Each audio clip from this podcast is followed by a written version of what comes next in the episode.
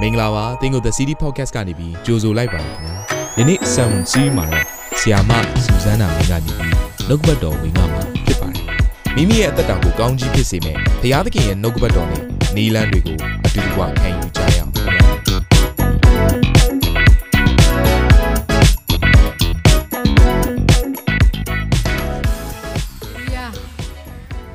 ကျွန်တော်တို့ကိုဘေးနားမှာရှိတဲ့သူကိုပြောလိုက်ပါတွေ့ရတာစိတ်ချမ်းသာလိုက်တာလို့သင်ဟာမင်္ဂလာရှိတော်သူပဲလို့ပြောရအောင်အာမင်ပြီးမှပြန်ပြီးတော့ရှိတဲ့ရက်မှာပြန်နေရယူရအောင်ဖခင်ရဲ့ကြီးစွာကိုချီးမွမ်းတယ်မနေ့မှလည်းချီရတဲ့မိသားစုဝင်တယောက်ချင်းစီတိုင်းနဲ့ဖခင်ရဲ့နှုတ်ကပတ်တော်ကိုနော်အတူတူကအာဝင်ငါခွင့်ရခဲ့တဲ့အတွက်ကြောင့်မလို့ဖခင်ရဲ့ကြီးစွာကိုချီးမွမ်းတယ်ဒီနေ့ညနေမှာလည်းအယောက်ချင်းစီတိုင်းကဖခင်ရဲ့နှုတ်ကပတ်တော်ကိုစာငတ်တဲ့နှလုံးသားနဲ့ခံယူဖို့ရန်အတွက်ရှိနေတယ်ဆိုတာကျွန်မယုံကြည်ပါတယ်အာမင် ဘာဖြစ်လို့လဲဆိုတော့နှုတ်ကပတ်တော်ဆိုတာကလေဘသူဝင်ငှတာထက်ဘယ်အကြောင်းအရာဝင်ငှသွားတယ်ဆိုတာထက်ဘလို့နှလုံးသားနဲ့ခံယူတယ်လဲဆိုတဲ့အရာကပို့ပြီးတော့အရေးကြီးတယ်ဒါကြောင့်မလို့ကျွန်တော်တို့ကိုယ့်ရဲ့နှလုံးသားကိုပြင်ဆင်ဖို့ရန်အတွက်အခုချိန်မှာခဏလောက်ဆူတောင်းရအောင်ကိုတော့ကျွန်တော်ကိုစကားပြောပါကျွန်မကိုစကားပြောပါကျွန်တော်ကိုကြော်လွန်ရင်မသွားပါနဲ့ဆိုပြီးတော့ဖခင်ရဲ့အရှိမနှိတ်ချတဲ့နှလုံးသားနဲ့ဝန်ခံကြရအောင် အသက်ရှင်သောဖရာဒီနေ့ကိုရဲ့နှုတ်ကပတ်တော်ကိုသားသမီးတို့တယောက်ချင်းစီတိုင်းဆောင်ငတ်ပါတယ်အသက်သောနှုတ်ကပတ်တော်ကိုသားသမီးတို့ကိုဖွင့်ပြတော်မူပါ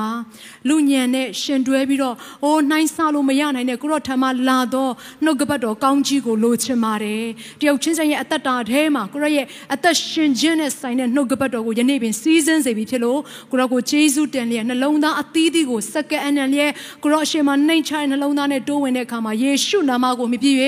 ဆုတောင်းစက္ကန့်အနံကြပါတယ်ဖောင်းမြတ်စွာဘုရားသခင်အာမင်အဲ့တော့ဒီနေ့မှာဖျားလူဆိုတဲ့နှုတ်ကပတ်တော်နဲ့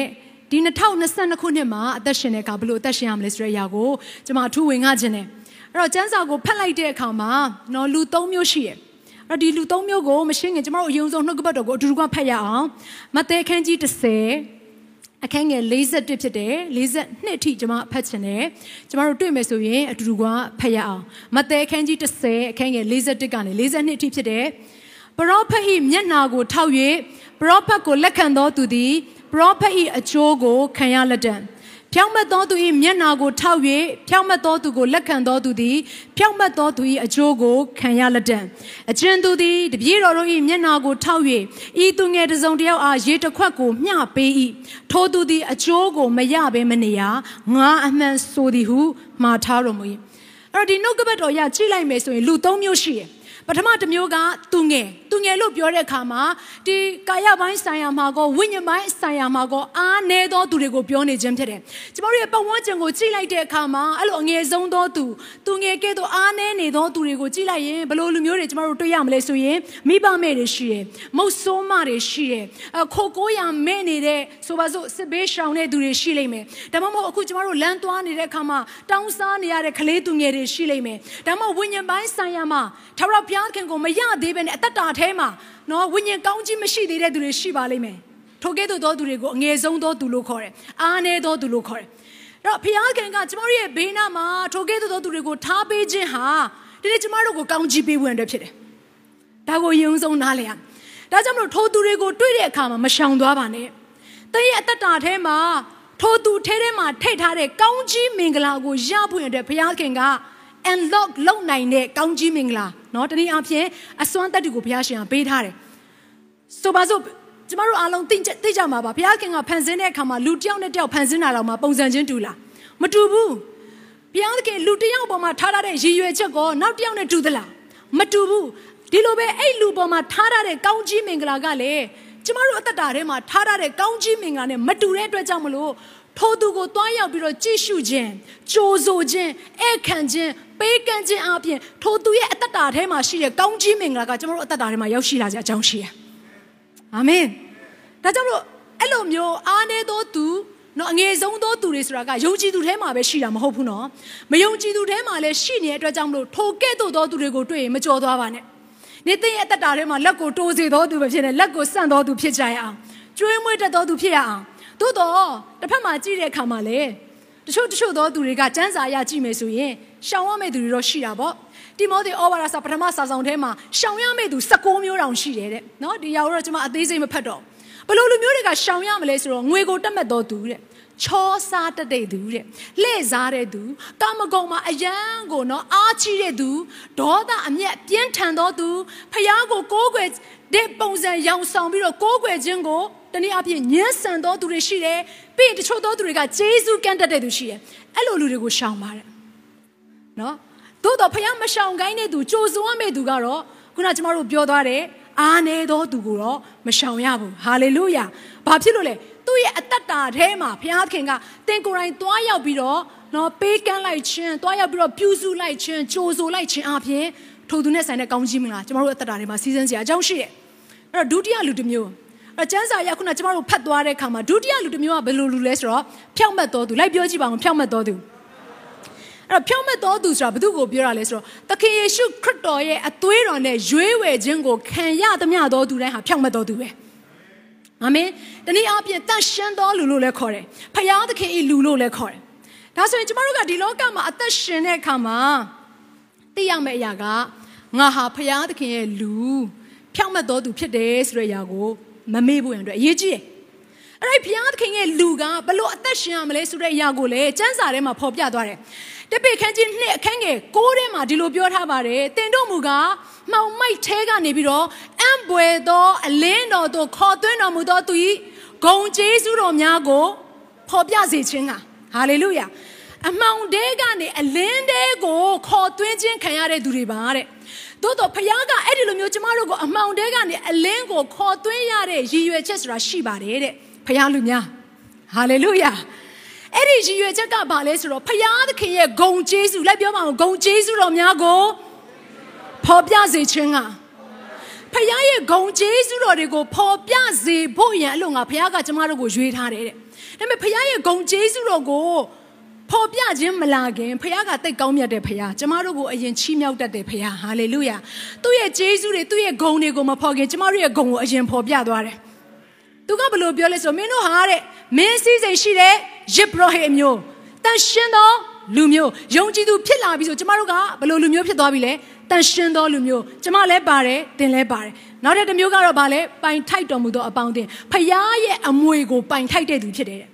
သို့တော့ဖခင်ကအဲ့ဒီလိုမျိုးကျမတို့ရဲ့ဂုံကျေးဇူးတော်တွေကိုဖော်ပြသွားတဲ့အခါမှာမှန်ပါပြီကျမတို့ရဲ့အရာအရာကိုကျမတို့သိပြီသို့တော့ဖခင်ရဲ့ဂုံကျေးဇူးတော်ကိုပြန်လဲဖော်ပြနိုင်ဖို့နဲ့အဓိကအချက်ကဘာလဲဆိုတော့သင်ဟာတန့်ရှင်းတဲ့လူမျိုးဖြစ်တယ်ဆိုတော့ဘယ်တော့မှမေ့လို့မရအောင်အာမင် ကိုကသက်ရှင်းတဲ့လူမျိုးဖြစ်တယ်ဆိုတဲ့အရာကိုနှလုံးသားထဲမှာထည့်ထားမှပဲအတွေးခေါ်ထဲမှာစင်ကြင်နေမှပဲသက်ရှင်းခြင်းအတ္တထဲမှာရှောက်လန်းနိုင်မှာဖြစ်တယ်အခုလိုမျိုးဆိုးရုပ်တဲ့ကာလမှာတနည်းအားဖြင့်သိုးနဲ့စိတ်ရောနေတဲ့ကာလမှာနော်မျိုးစေ့တကယ်ကိုအာမကောင်းတဲ့မျိုးစေ့နဲ့ကောင်းတဲ့မျိုးစေ့ရောရှက်ပြီးတော့ကြီးထွားနေတဲ့ကာလမှာဖခင်ကတန်ရှင်းသူဘယ်သူလဲဆိုတဲ့အရာနဲ့ပဲခွဲထုတ်သွားမှာပါအာမင် အရန်ဖခင်ရဲ့လှုပ်ဆောင်ချက်ကရှင်းပါတယ်တခါတည်းကျမတို့ကစဉ်းစားတယ်ဟိုကောင်းကင်တမန်ကောင်းကင်ဘောကနေဆင်းလာပြီးတော့မှတောစဘာကိုတခါတည်းလာနှုတ်ပြီးတော့မိရှို့တဲ့အချိန်ကိုစောင့်နေကြတယ်အမှန်တော့အခုလိုမျိုးစုံစမ်းနှောက်ယှက်ခြင်းတွေမုံတိုင်းတွေတကယ့်ကိုပြင်းထန်တဲ့မှောင်မိုက်ခြင်းတွေကအလင်းတော်သားဘသူဖြစ်တယ်လဲဆိုတာကိုမြင်တွေ့သွားစေတယ်တန်ရှင်းသူဟာဘသူဖြစ်တယ်လဲဆိုတာကိုမြင်တွေ့သွားစေတယ်ဟာလေလုယာ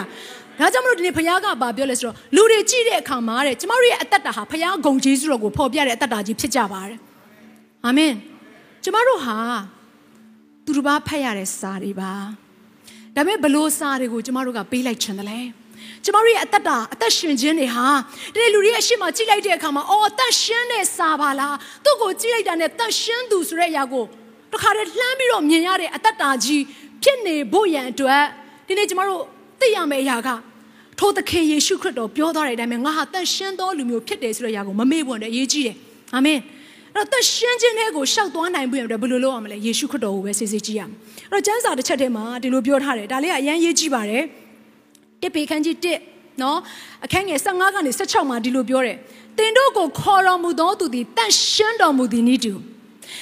ကျင့်ကြံပြုမှုသမျှတို့၌တန်ရှင်းခြင်းရှိကြလောကျမတို့ကိုအမှောင်တဲကနေအလင်းတော်ကိုခေါ်တယ်ဆိုတော့သူ့ရဲ့ရည်ရွယ်ချက်ကသူတန်ရှင်းတယ်လို့တန်ရှင်းခြင်းရှိဖို့ရန်အတွက်ရွေးခေါ်ခဲ့တာပါတဲ့ သိရှင်းပါတယ်ဒါကြောင့်မလို့ကျမတို့ရဲ့ကြင်ကြံပြုတ်မှုသမျှပြောဆိုသမျှလှုပ်ဆောင်သမျှအရာအားလုံးမှာဒီနေ့ဖယားသခင်ရဲ့ဂုံကျေးဇူးတော်တွေကိုပေါ်ပြစိမ့်သောငါစတင်ပြီးတော့ဆုံးဖြတ်ချက်ချပြီးတော့အသက်ရှင်ဖို့ရန်အတွက်လိုအပ်ပြီတခါတလေကျမတို့ကဘေးနားမှာရှိတဲ့လူတွေရဲ့လှုပ်ဆောင်ခြင်းကိုသွားပြီးတော့အားကြပြီးတော့လှုပ်ဆောင်တက်လင်းရှိတယ်သူ့လိုပြောရင် Facebook မှာ like ပို like များပိုရမလားလို့နော်သူ့လိုပြောရင်သူ့လိုရင်းရင် ကျမတို့အသက်တာထဲမှာဘာပဲပြောပြောအစဲများခံရတာရက်သွားမလားလို့စဉ်းစားတယ်ဒီနေ့လောကမှာရှိတဲ့သူတွေရဲ့လှုပ်ဆောင်ခြင်းနောက်ကိုတင်လိုက်ပြီးတော့လှုပ်ဆောင်ရင်လောကလူသားတွေဆုံးတဲ့လမ်းမှာတင်ဆုံးလိမ့်မယ်ဒါပေမဲ့ဖယားသခင်ရဲ့နှုတ်ကပတ်တော်အပေါ်မှာယေရှုခရစ်တော်ရဲ့ခြေတော်ရာနောက်ကိုကျမတို့စေးစေးလိုက်မယ်ဆိုရင်ယေရှုခရစ်တော်ရောက်စေခြင်းနဲ့တန်ရှင်းတဲ့ပန်းနိုင်တဲ့ကိုသင်ရောက်သွားမှာဖြစ်တယ်။အာမင်။ကျမတို့ရွေးချယ်ရမယ်။ အဲ့တော့ယုံကြည်သူတယောက်တန်ရှင်းခြင်းအသက်တာနဲ့တွားနိုင်ဖို့ရန်အတွက်တမန်ကျမ်းစာကဒီလိုထပ်ပြောထားတယ်။အချင်းချင်းမိတ္တဟာယဖွဲ့ခြင်းရှိရမယ်။မိတ္တဟာယဖွဲ့ခြင်းမရှိတဲ့သူရဲ့အသက်တာထဲမှာတဲ့ဒါလေးနော်တစ်ချက်ကျမအသေးစိတ်တော့မပြောတော့တမာတရားကိုတိပြီးမှအပြစ်သွေးဆောင်နောက်ကိုလိုက်သွားတတ်တယ်ဘယ်လိုလူတွေလဲဆိုတော့မိတ္တဟာယဖွဲ့ခြင်းမရှိတဲ့သူတွေရဲ့အသက်တာထဲမှာထိုကဲ့သို့သောဝိညာဉ်ရေးရာကြဆင်းခြင်းဆိုတာဖြစ်သွားတယ် ဒါကြောင့်တချို့တချို့သောသူတွေကကျမရဲ့အသက်တာထဲမှာကျွန်တော်ရဲ့အသက်တာထဲမှာဝိညာဉ်ရေးရာကြဆင်းသွားတယ်လို့ခံစားရတယ်။ဘုရားသခင်နဲ့ပတ်သက်လာရင်စိတ်အားကြီးခြင်းမရှိတော့ဘူးလို့ခံစားရတယ်ဆိုတော့အဓိကအကြောင်းရင်းနောက်တစ်ချက်ကအချင်းချင်းမိသားရဖွဲ့ခြင်းမရှိလို့ပါ။ဒါကြောင့်မလို့အခုလိုမျိုးဘုရားခင်ကအခွင့်ပေးတဲ့အခါမှာယုံကြည်သူများတယောက်နဲ့တယောက်တိဆောက်ဖို့ရန်အတွက်မိသားရဖွဲ့ကြပါ။အဲ့တော့မိသားရဖွဲ့ခြင်းတယောက်နဲ့တယောက်ကြိုးစိုးဧကန်ခြင်းဆိုတဲ့အရာကလေတိတ်ပြီးတော့ကောင်းတဲ့အရာတစ်ခုဖြစ်တယ်။ နော်ဘာဖြစ်လို့ကျွန်မအဲ့လိုပြောလဲဆိုတော့ခုနကျွန်မပြောခဲ့တဲ့အတိုင်းပဲထိုသူစီမှာရှိတဲ့ကောင်းကြီးမင်္ဂလာတင့်ရဲ့အသက်တာတွေကိုရောက်လာဖို့ရအတွက်သူ့ကိုကြိုးဆိုတက်ရတယ်သူ့မကြိုးဆိုရင်အဲ့လူထဲမှာရှိတဲ့ကောင်းကြီးမင်္ဂလာကိုယ့်ရဲ့အသက်တာထဲမှာဘယ်တော့မှမရောက်လာဆ iam မဆူဇန်နာမင်းကိုဆူဇန်နာမင်းကိုကြိုးဆိုလိုက်တယ်ဆိုရင်ခင်မင်သွားတယ်ဆိုရင်ဆ iam မဆူဇန်နာမင်းချက်တဲ့ဟင်းတော့စားရမှာပေါ့ right ဆရာဒေးဗစ်ကရှေ့ဆုံးကနေ သူခဏခဏစားရလို့လေအဲ့တော့ပြောချင်တဲ့အရာကလူတယောက်ပေါ်မှာထားရတဲ့ကောင်းကြီးမင်္ဂလာတင့်ရဲ့တက်တာထဲမှာစီးဝင်လာခြင်းလား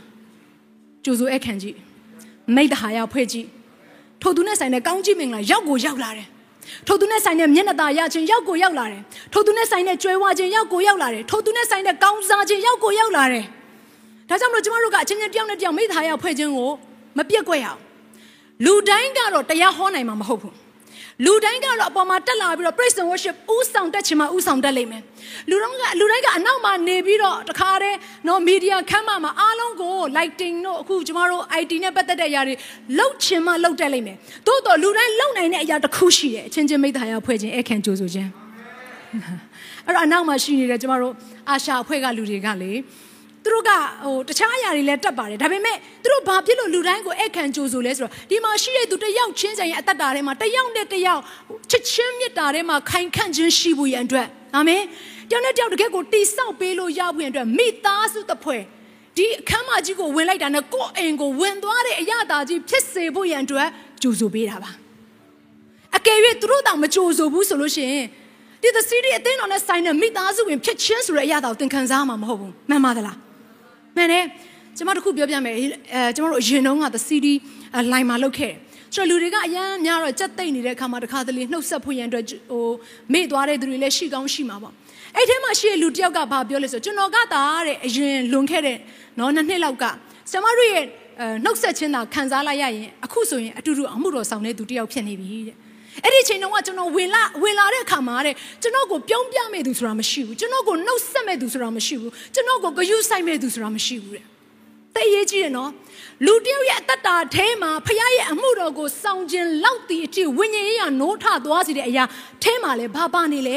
ယုံကြည်သူချင်းချင်းကြိုးဆိုခြင်းဧည့်ခံခြင်းထဲမှာပါနေတယ်ဒါကြောင့်ဟေဘရဲအခန်းကြီး73ခန်းငယ်1ကနေ2ထဲမှာဘာပြောထားလဲဆိုရင်အချင်းချင်းနဲ့မိသားရဖွဲ့ကြပါတယ် အဲ့လိုမိတ္တဟာယဖွင့်နေနေတခါတလေအခန့်ကြိုးဆိုနေနေတဲ့ကောင်းကင်တမန်နေတောင်မှကြိုးဆိုမိသွားတဲ့အချိန်တွေရှိလိမ့်မယ်ဟာလေလုယာမြင်အောင်ကြည့်ပါကိုဘေးနားမှာလာရောက်ထိုင်နေတဲ့သူကကောင်းကင်တမန်တစ်ပါးဖြစ်နေမယ်ဆိုဘယ်လိုလုပ်မလဲအာမင်အမှုမဲ့မဲ့မဲ့နဲ့အသက်မရှင်ကြပါနဲ့ဒီနေ့ကိုဘေးနားမှာဘုရားခင်ပို့လိုက်တဲ့သူကတည့်ရဲ့အသက်တာထဲမှာတစ်ချိန်တစ်ခါမှမခံစားခဲ့ဘူးတဲ့ကောင်းကြီးမင်္ဂလာကိုစီးစင်းစေမဲ့သူတယောက်လည်းဖြစ်နိုင်တယ်နော် ဟာလေလုယာဒါကြောင့်ကိုဘေးနားမှာရှိတဲ့သူကိုဘယ်တော့မှ underestimate မလုပ်နဲ့ရှော့မတွက်နဲ့အာမင်ခလေးသူငယ်တယောက်ပဲဖြစ်နေပါစေဆင်းရဲတဲ့သူတယောက်ပဲဖြစ်နေပါစေသွားပြီးတော့ကိုက short တွက်လိုက်တယ်ဆိုရင်ထိုသူနဲ့ဆိုင်တဲ့ကောင်းကြီးမင်္ဂလာသင်မခံစားရတော့အာမင်ဆိုတော့ဒါကတော့ယုံကြည်သူထဲမှာဘုရားခင်ထပ်ပြီးတော့ဖြစ်စေခြင်းနဲ့ရာကျမတို့ဟာတန်ရှင်းသောလူမျိုးဖြစ်ပါတယ်မှန်ပါတယ်ဘုရားကရွေးကောက်တဲ့သူတွေဖြစ်ပါတယ်သို့တော့အဲ့ဒီတန်ရှင်းသောလူမျိုးအများကြီးတဲ့မှာမှာဘုရားသခင်သီးသန့် တရားနာထောင်မှာသီးသန့်ဗိတ်သိမ့်နဲ့နော်တကယ်ကိုသူ့ကိုတကိုးနမိတ်လက္ခဏာနဲ့အသုံးပြုပန်တော့ရွေးချယ်ထားတဲ့သူကလည်းရှိပြန်တယ်ခုနမသေးရပြောမယ်ဆိုရင်သူကအခုနကျွန်တော်တို့ဖတ်သွားတဲ့အထက်မှာ prophet prophet ကိုကြိုးဆိုရင် prophet နဲ့ဆိုင်တဲ့အကျိုးကျေးဇူးကိုခံစားရမယ်လို့ပြောခဲ့တယ်မဟုတ်ဘူးလားအဲ့တော့ prophet လို့ပြောတဲ့အခါမှာသူကဘာကိုရည်ညွှန်းကျင်တာလဲဆိုတော့ဖယားသခင်ကိုယ်တိုင် leadership anointing ကိုပေးထားတဲ့ full time minister တွေကိုပြောတာပါအဲ့တော့ အားလုံးကဖယားလူဖြစ်ပေမဲ့ထိုသူကတော့ထူးခြားတယ်သူ့ရဲ့အသက်တာထဲမှာရှိတဲ့ကောင်းကြီးမင်္ဂလာအလုံးစုံသူ့ရဲ့တက်ကျွမ်းထားခြင်းသူ့ရဲ့အချိန်အားလုံးကိုဖယားအတွက်အကုန်ပေးလိုက်တာတဝက်မဟုတ်ဘူးနော်ပြောချင်တဲ့အရာကတချို့တွေကအပြင်မှာအလုပ်လုပ်မယ်ဘုရားเจ้าမှာလည်းပါဝင်တယ်တော့ပါဝင်တယ်သို့တော့အခုဖခင်ရဲ့လူကကြတော့ဖခင်တီးတန့်ရွေးချယ်ပြီးတော့ဗိတ်သိက်တင်ထားတဲ့ prophet လို့ခေါ်တဲ့တနည်းအားဖြင့်အချိန်ပြည့်အမှုတော်ဆောင်တွေအားလုံး အဲ့ထဲမှာ prophet လည်းပါမယ်ဒါမှမဟုတ်အသင်းအုပ်ဆရာလည်းပါမယ်တမန်တော်လည်းပါမယ်ဧဝံဂေလိဆရာလည်းပါနိုင်တယ်ကျမ်းစာသင်ပေးတဲ့ဆရာလည်းပါကောင်းပါနိုင်တယ်ဆိုတော့အဲ့ငါးမျိုးစလုံးကတော့တီးတန့်သူတို့ရဲ့အသက်တာကိုဖခင်သခင်အတွက်ပေးထားတဲ့အတွက်ကြောင့်မလို့တဲ့သူတို့အပေါ်မှာတင်ထားတဲ့ anointing ကတီးတန့်ရှိနေတယ်အဲ့ဒါကိုသတိထားဖို့အတွက်လိုအပ်တယ်ဓမ္မဟောင်းကာလမှာကြည့်လိုက်မယ်ဆိုရင်ခေါင်းဆောင်တွေအများကြီးရှိပေမဲ့ဖခင်ကမောရွှေကိုတည်တဲ့ဣတိလလူမျိုးကိုကယ်နှုတ်ဖွင့်တဲ့ရွေးချယ်တယ် လူငယ်တွေအများကြီးရှိပေမဲ့ဖခင်ကယောရှုနဲ့ကာလကိုတီးတန့်ရွေးချယ်တယ်။ဗိတ်သိပ်ပေးတယ်။ထိုသူတွေအားလုံးကိုတကယ်ကိုဥဆောင်နိုင်ဖို့ရန်အတွက်ဉာဏ်ပညာပေးတဲ့အပြင်ကျေဝန်းတဲ့နှလုံးသားကြီးကိုလည်းဘုရားသခင်ကသူတို့ကိုတည်တံ့ပေးထားတယ်။အာမင်။ဆိုတော့လူတော်တော်များများနော်ကျမတို့ရဲ့အနာမှာဘုရားသခင်ဘသူတွေထားထားပေးတယ်လဲဆိုတဲ့အရာကိုမြင်နိုင်ဖို့ရန်အတွက်တတိထားမယ့်အချိန်ကာလာရောက်နေပြီ။ဘာဖြစ်လို့လဲဆိုတော့ ဘုရားသခင်ခွဲခံထားတဲ့သူကိုကြိုးဆိုခြင်းအပြင်ဘုရားရဲ့လူကိုလက်ခံခြင်းအပြင်တင့်ရဲ့အသက်တာထဲမှာပိတ်ဆို့နေတဲ့တကားတွေဟာလေလုယာတခါမှသင်မရဘူးတဲ့ဝိညာဉ်နဲ့ဆိုင်တဲ့ဘိတ်သိက်တွေတကိုးတော်တွေကိုတင့်ရဲ့တက်တာထဲမှာရရှိနိုင်ကြအကြောင်းရှိတယ်။အဲ့တော့ကျမတို့အားလုံးဓမ္မရာဇဝင်စရုပ်ထစာဆောင်တစ်ချက်လောက်ကြည့်အောင်။အခန်းကြီး၄အခန်းငယ်၈ကနေ10အထိကျွန်မဖတ်ချင်တယ်ကျွန်တော်တို့တွေ့မယ်ဆိုရင်အတူတူကလိုက်ပြီးတော့ဖတ်စီလိုတယ် တနေ့တ၌အေလိရှဲသည်ရှုနေမျိုးသို့သွားရတွင်ထိုမျိုး၌ထင်ရှားသောမိန်းမတစ်ယောက်သည်အေလိရှဲကိုကြွေးခြင်းကခေါ်ပင့်လေ၏နောက်မှထိုလန်းသို့သွားသောအခါကကြွေးခြင်းကိုခံအံ့သောငါထိုအိမ်သို့ဝင်တက်၏မိမကလည်းငါတို့နေရာလမ်းဖြင့်အစဉ်သွားလာသောဤသူသည်ဘုရားသခင်ဤတန်ရှင်းသူဖြစ်သည်ကိုကျွန်ုပ်ရိပ်မိ၏ဝင်ရိုးအပေါ်မှာအခန်းငယ်တစ်ခုကိုလှုပ်ကြကုန်အံ့သူ့အဖို့ကဒင်ဇပွဲထိုင်ကုန် မိခုံတို့ကိုထားကြကုန်အံ့တို့ဖြစ်၍သူသည်ငါတို့စီသို့ရောက်သောအခါအခန်းထဲသို့ဝင်လိမ့်မည်ဟုမိမိခင်မွန်းအားဆိုလေအဲ့တော့ခုနကျမ်းစာကိုဖတ်လိုက်တဲ့အခါမှာဖခင်ရဲ့လူပရောဖက်ကြီးအေလိရှဲဆိုတာရှိတယ်အေလိရှဲကအမြဲတမ်းအဲ့ဒီရှုနေအဲအမျိုးသမီးလေးရဲ့ရှုနေမြို့သူအမျိုးသမီးလေးရဲ့အိမ်ရှိကိုဖျက်ဖျက်သွားတယ်ကိုယ့်ရဲ့အိမ်ရှိမှာဘသူဖျက်သွားတယ်ဆိုတဲ့အရာကိုအမြဲတမ်းစောင့်ကြည့်တဲ့သူရှိလားလက်မြောက်ပြပါမရှိဘူးနော်ဒါပေမဲ့ဒီမျိုးသမီးလေးကတော့ သူ့ရဲ့ပတ်ဝန်းကျင်မှာဖျက်ဖျက်သွားနေတဲ့သူဘသူရှိတယ်လဲဆိုတဲ့အရာကိုကြည့်ပုံရပါတယ်အဲ့လိုကြည့်လိုက်တဲ့အခါမှာမြင်လိုက်တာနဲ့လှမ်းပြီးတော့သိတယ်တဲ့ဖခင်သခင်ရဲ့တန်ရှင်တော်သူတဲ့တင့်ကိုလူတွေကမြင်လိုက်တာနဲ့တန်ရှင်းသောသူလို့လှမ်းပြီးတော့မြင်သွားတဲ့အတ္တဖြစ်ဖွင့်တဲ့အရေးကြီးရဲ့နော်။အော် तू လဲဒီဒီလိုပဲလေ तू လဲဒီလိုပဲ तू ပြောတာနဲ့ဒီဒီလူပြောတာနဲ့အတူတူပဲလေ तू ခရစ်ယာန်လို့တော့ပြောတယ်ဒါပေမဲ့ဒီလူဆဲတယ်လို့ तू လိုက်ဆဲတာပဲ။ ဒီလူဒေါသထွက်တယ်လို့ तू လိုက်ဒေါသထွက်တာပဲ။ဒီလူကြမ်းကြောက်တယ်လို့ तू ကြမ်းကြောက်တာပဲ။ဒီလူရိုင်းတယ်လို့ဒီဒီဒီဘက်တစ်ဖက်ကလူကလည်းရိုင်းတာပဲဆိုရင်သင်ဟာတန်ရှင်းသောလူဖြစ်တယ်ဆိုတဲ့အရာကိုဒီလောကကမြင်မှာမဟုတ်ဘူး။ right come on ဒါပေမဲ့ဒီအမျိုးသမီးလေးကအေလိရှဲကိုမြင်လိုက်တာနဲ့တပြိုင်တည်းထူးခြားနေတယ်၊ကွဲထွက်နေတယ်။ဘာဖြစ်လို့လဲဆိုတော့ဒီနေ့ဖယားသခင်အတွက်သီးသန့်ရွေးချယ်ခြင်းကိုခံထားရတဲ့သူကလေကိုဟာဖယားလူဖြစ်တယ်ဆိုတာကိုသိရင်လောကနဲ့ပြောနှောခြင်းကိုဘယ်တော့မှမလုပ်ဘူး။သူ့ရဲ့အတ္တတာထဲမှာ set apart လို့ခေါ်တယ်။သူလောကနဲ့ဆိုင်တဲ့အရာမှာခွဲထွက်ပြီးတော့နေတယ်။အဲ့ဒါကိုဖယားရဲ့တန်ရှင်တော်သူလို့ခေါ်တယ်။အာမင်။အဲ့တော့အဲ့ဖယားလူကိုမြင်တဲ့အခါမှာတဲ့အခုနရှုနေအမျိုးသမီးတွေကဘာလုပ်လဲဆိုတော့ သူ့ရဲ့အိမ်ကိုဖိတ်ခေါ်တယ်အိမ်ရှိကမ်းမှာတခါတည်းကြကြနာနာဖိတ်ခေါ်ပြီးတော့မှရေတိုက်ရုံအစင်းလောက်ပဲမဟုတ်ဘူးဇရက်တစ်ခုလိုလာနာပြန်သွားဆိုတဲ့ပုံစံအစင်းလောက်ပဲမဟုတ်ဘူးနောက်တစ်ဆင့်သူဘာလုပ်လဲဆိုတော့သူ့ရဲ့အိတ်ထဲကငွေကြေးကိုစိုက်ထုတ်ပြီးတော့သူကျွေးမွေးတယ်ဟာလေလုယာဒီဒီကျွန်မနားလည်စေချင်တယ်အမှုတော်ဆောင်တွေကိုဖျားခွဲခံထားတဲ့တန်ရှင်းသူတွေကိုသင်ဟာကျွေးမွေးတဲ့အခါမှာထိုသူနဲ့ဆိုင်တဲ့ကောင်းကြီးမင်္ဂလာရှိနေပါတယ်အာမင် ထိုသူနဲ့ဆိုင်တဲ့ဘိတ်တိတ်ထိုသူနဲ့ဆိုင်တဲ့နော် anointing ကတည့်ရဲ့အသက်တာထဲမှာပြန်လည်ပြီးတော့စီးစင်းလာလိမ့်မယ်အာမင်မျက်နှာသာပေးခြင်းတွေချီးမြှောက်ခံရခြင်းတွေဘုရားသခင်ဝတ်ထားတဲ့နှုတ်ကပတ်တော်ပညာတွေဗန္နာတွေအားလုံးကိုသင်ရရှိလာကြအကြောင်းရှိတယ်သို့တော့တချို့သောသူတွေကဘလို့စဉ်းစားတတ်ကြလဲဆိုတော့အော်ငါလည်းဖះလူလေနင်းလည်းဖះလူပဲဒီခေတ်မှာတန်ရှင်းသောဝိညာဉ်တော်ဖះကဓာတ်ရိုက်စကားပြောတာပဲနင့်ကမှပြောတာလားလို့စဉ်းစားရင် ဒီနေ့ဘုရားသခင်ဗိတ်သိမ့်နဲ့တကွာ leadership anointing ပေးပြီးတော့ခွဲခံထားတဲ့သူကိုသင်ကသွားပြီးတော့စန့်ကျင်ပုံကန်တဲ့အတွက်ကြောင့်မလို့မကြိုဆိုတဲ့အတွက်ကြောင့်မလို့ထိုသူနဲ့ဆိုင်တဲ့ကြိမ်ချင်းရလည်းရှိတယ်။ Hello prophet နဲ့ဆိုင်တဲ့အကျိုးလို့ပြောမှာတော့ prophet ကိုဖခင်ရဲ့လူကိုကောင်းမွန်စွာပြုစုတဲ့ကြိုးဆိုတဲ့အခန့်နဲ့ဆိုရင်သူနဲ့ဆိုင်တဲ့ကောင်းကြီးရှိသလိုညှင်းဆန်ခြင်းပုံကန်ခြင်းရန်ညိုးဖွဲ့ခြင်းเนาะတနည်းအားဖြင့်သူတော်ကောင်းကိုမုန်းခြင်းဆိုတဲ့အထဲထဲမှာလည်းထိုသူနဲ့ဆိုင်တဲ့ကြိမ်ချင်းအမင်္ဂလာရှိတယ်ဓမ္မရာဇဝင်ဒုဋ္ဌဆာဆောင်အခန်းကြီး2ရဲ့အဆုံးပန်းကိုဖတ်လိုက်တဲ့အခါမှာအေလိရှေကတနေ့ကျတော့ယေရိခေါမြို့ကနေပြီးတော့အာဒီဘေဒလမြို့ကိုသွားတယ်အဲ့တော့အဲ့လိုသွားနေတဲ့အချိန်မှာ အထဲမှာရှိတဲ့ဘေဒလမြို့ထဲမှာရှိတဲ့လူငယ်42ယောက်ကနေထွက်လာပြီးတော့ဘာလုပ်တယ်ထင်လဲအေလိရှေကိုအေလိရှာထိတ်ပြောင်တာဟုတ်နော်ထိတ်ပြောင်တဲ့အခါမှာထိတ်ပြောင်ကြီးထိတ်ပြောင်ကြီးစန်းစာရဆိုဟေဦးပြေဟေဦးပြေတက်အောင်လို့ထိတ်ပြောင်ကြီးရဲ့သွားလိုက်ဆမ်းမှာထိတ်ပြောင်ကြီးရဲ့သွားလိုက်ဆမ်းမှာလို့လှမ်းပြီးတော့អော်တာအဲ့ဒီအချိန်မှာဘာဖြစ်သွားလဲဆိုတော့တခါတည်းအဲ့ prophet အေလိရှေကသူတို့ကိုလှည့်ကြည့်ပြီးတော့ဘုရားသခင်ရဲ့အခွင့်နဲ့တဲ့ကြိမ်နေတဲ့ ဘာဖြစ်လဲဆိုတော့ဝန်မနှစ်ကောင်ထွက်လာတယ်ထိုနေရာမှာပဲလူ42ယောက်ဟာစုံမခြင်းကိုခံစားရတယ်ကဲဆက်ပြီးတော့ကြည့်လိုက်မယ်ဆိုရင်ကျွန်တော်မသေးထဲမှာကြည့်လိုက်ပါမသေး73တို့မာကု6တို့မှာကြည့်လိုက်လို့ရှိရင်ထူးဆန်းတဲ့အရာလေးရှိတယ်ယေရှုခရစ်တော်ကသူ့ရဲ့မြို့ဖြစ်တဲ့နာဇရက်မြို့ကိုပြန်ပြီးတော့နှုတ်ကပတ်တော်ဝင်လာတာ အဲ့တော့ယေရှုသွားတဲ့နေရာတိုင်းမှာယေရှုခရစ်တော်နဲ့ဆိုင်တဲ့တကိုးနမိတ်လက္ခဏာအမြဲတမ်းဖြစ်ပေါ်လေးရှိတယ်မဟုတ်ဘူးလားယေရှုခရစ်တော်နဲ့ဆိုင်တဲ့ကောင်းကြီးမင်္ဂလာကထိုမြို့ထဲမှာစီးစင်းတယ်ကယ်တင်ခြင်းကထိုမြို့ထဲမှာစီးစင်းတယ်သို့တော့အဲ့ဒီအချိန်မှာအဲ့ဒီမြို့မှာရှိတဲ့သူတွေအားလုံးကတဲ့နော်အထူးသဖြင့်နာဇရက်မြို့မှာရှိတဲ့သူတွေပေါ့ယေရှုခရစ်တော်ကိုမကြိုဆိုကြဘူးတဲ့မယုံကြည်ကြဘူးတဲ့စေတနာစိတ်ပြတ်တယ်တဲ့ဆိုတဲ့သဘောကအထင်သေးတယ်အဲ့ဒီအချိန်မှာဘာဖြစ်လာသလဲဆိုယေရှုခရစ်တော်ထိုမြို့မှာတဲ့ နမိတ်လက္ခဏာအနှဲငယ်ပဲပြနိုင်တယ်တဲ့ဘာဖြစ်လဲဆိုတော့သူတို့ရဲ့မကြိုဆိုခြင်းမယုံကြည်ခြင်းကြောင့်အဲ့တော့ယေရှုကဘာလုပ်လဲဆိုတော့မယုံကြည်တဲ့သူတွေကိုကြော်သွားတယ်နောက်ထပ်တစ်မြို့မှာသွားပြီးတော့အစီခံတယ်တကယ်နာသွားတာဘာလို့လဲမကြိုဆိုတဲ့သူရဲ့တတာထဲမှာယေရှုနဲ့ဆိုင်တဲ့ တကယ်ထာဝရအသက်နဲ့ရှင်တဲ့ကောင်းကြီးမင်္ဂလာကြီးကထုံမျိုးကလွတ်သွားတယ်မဟုတ်ဘူးလားဒါကြောင့်မို့ယေရှုခရစ်တော်ပြောခဲ့တဲ့ຢာကဘာလဲဆိုလို့ရှိရင်အဲ့ဒီဂါလိလဲအိုင်အနာတဝိုက်မှာရှိတဲ့ကပေရနောင်မြို့တို့နော်ခုနအဲကျမတို့ပြောခဲ့တဲ့နာဇရက်မြို့တို့လည်းပါပါတယ်နော်ထုံမြို့တွေအားလုံးဟာတဲ့နောက်ဆုံးသောကာလမှာတဲ့တောတုံမြို့နဲ့ဂေါမောရမြို့တို့တူတူမြို့တို့ထက်သားပြီးဆိုးလိမ့်မယ်တဲ့ဘာဖြစ်လို့လဲဆိုတော့ငါလာတဲ့အရာကိုလက်မခံကြဘူးတဲ့အကယ်၍သာငါကသာလေ တောတုံမြို့တို့ဂေါမောရမြို့တို့မှာသွားပြီးတော့တဲ့နှုတ်ကပတ်တော်ဝင်ငှမယ်ဆိုရင်ねထိုမျိုးကပြောင်းလဲနိုင်ကြအကြောင်းရှိတယ်။သူတို့သူတို့ကလက်မခံဘူးတဲ့။နောက်ဆုံးသောကာလမှာတောတော်မျိုးဂေါမရာမျိုးတူတူမျိုးထက်သားပြီးဆိုးတော့အမင်္ဂလာနဲ့နော်ဆုံးမခြင်းသူတို့မျိုးပေါ်မှာရှိရတယ်။အဲ့တော့ပြောချင်တဲ့အရာကကြိုးဆိုကြည့်ပါ။ဘုရားခင်တီးတဲ့ရွေးချယ်တင်မြှောက်ထားတဲ့ခေါင်းဆောင်ရဲ့အောက်မှာနှိတ်ချခြင်းနဲ့သူတို့ကိုကြိုးဆိုကြည့်ပါ။ထိုသူတို့နဲ့ဆိုင်တဲ့ကောင်းကြီးမင်္ဂလာရှိတယ်။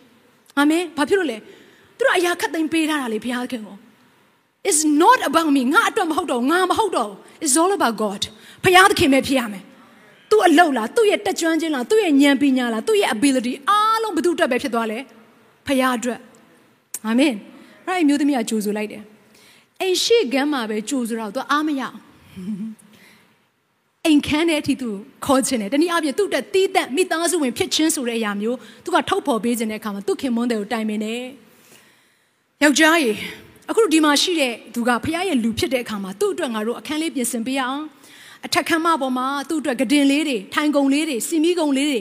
နော်အဲ့ရလေးတွေတေချာပြင်ဆင်ပြီးတော့သူလာတဲ့အခါမှာအမြဲတမ်းငါတို့နဲ့အတူတဲခွင့်ရဖို့ရအတွက်ပြင်ဆင်ရအောင်ဆိုတော့သူ့ရဲ့ခမွန်းတယ်ကိုပြောတယ်အမှန်တော့ အဲ့ကန်းလောက်နဲ့အဆင်ပြေနေပါပြီ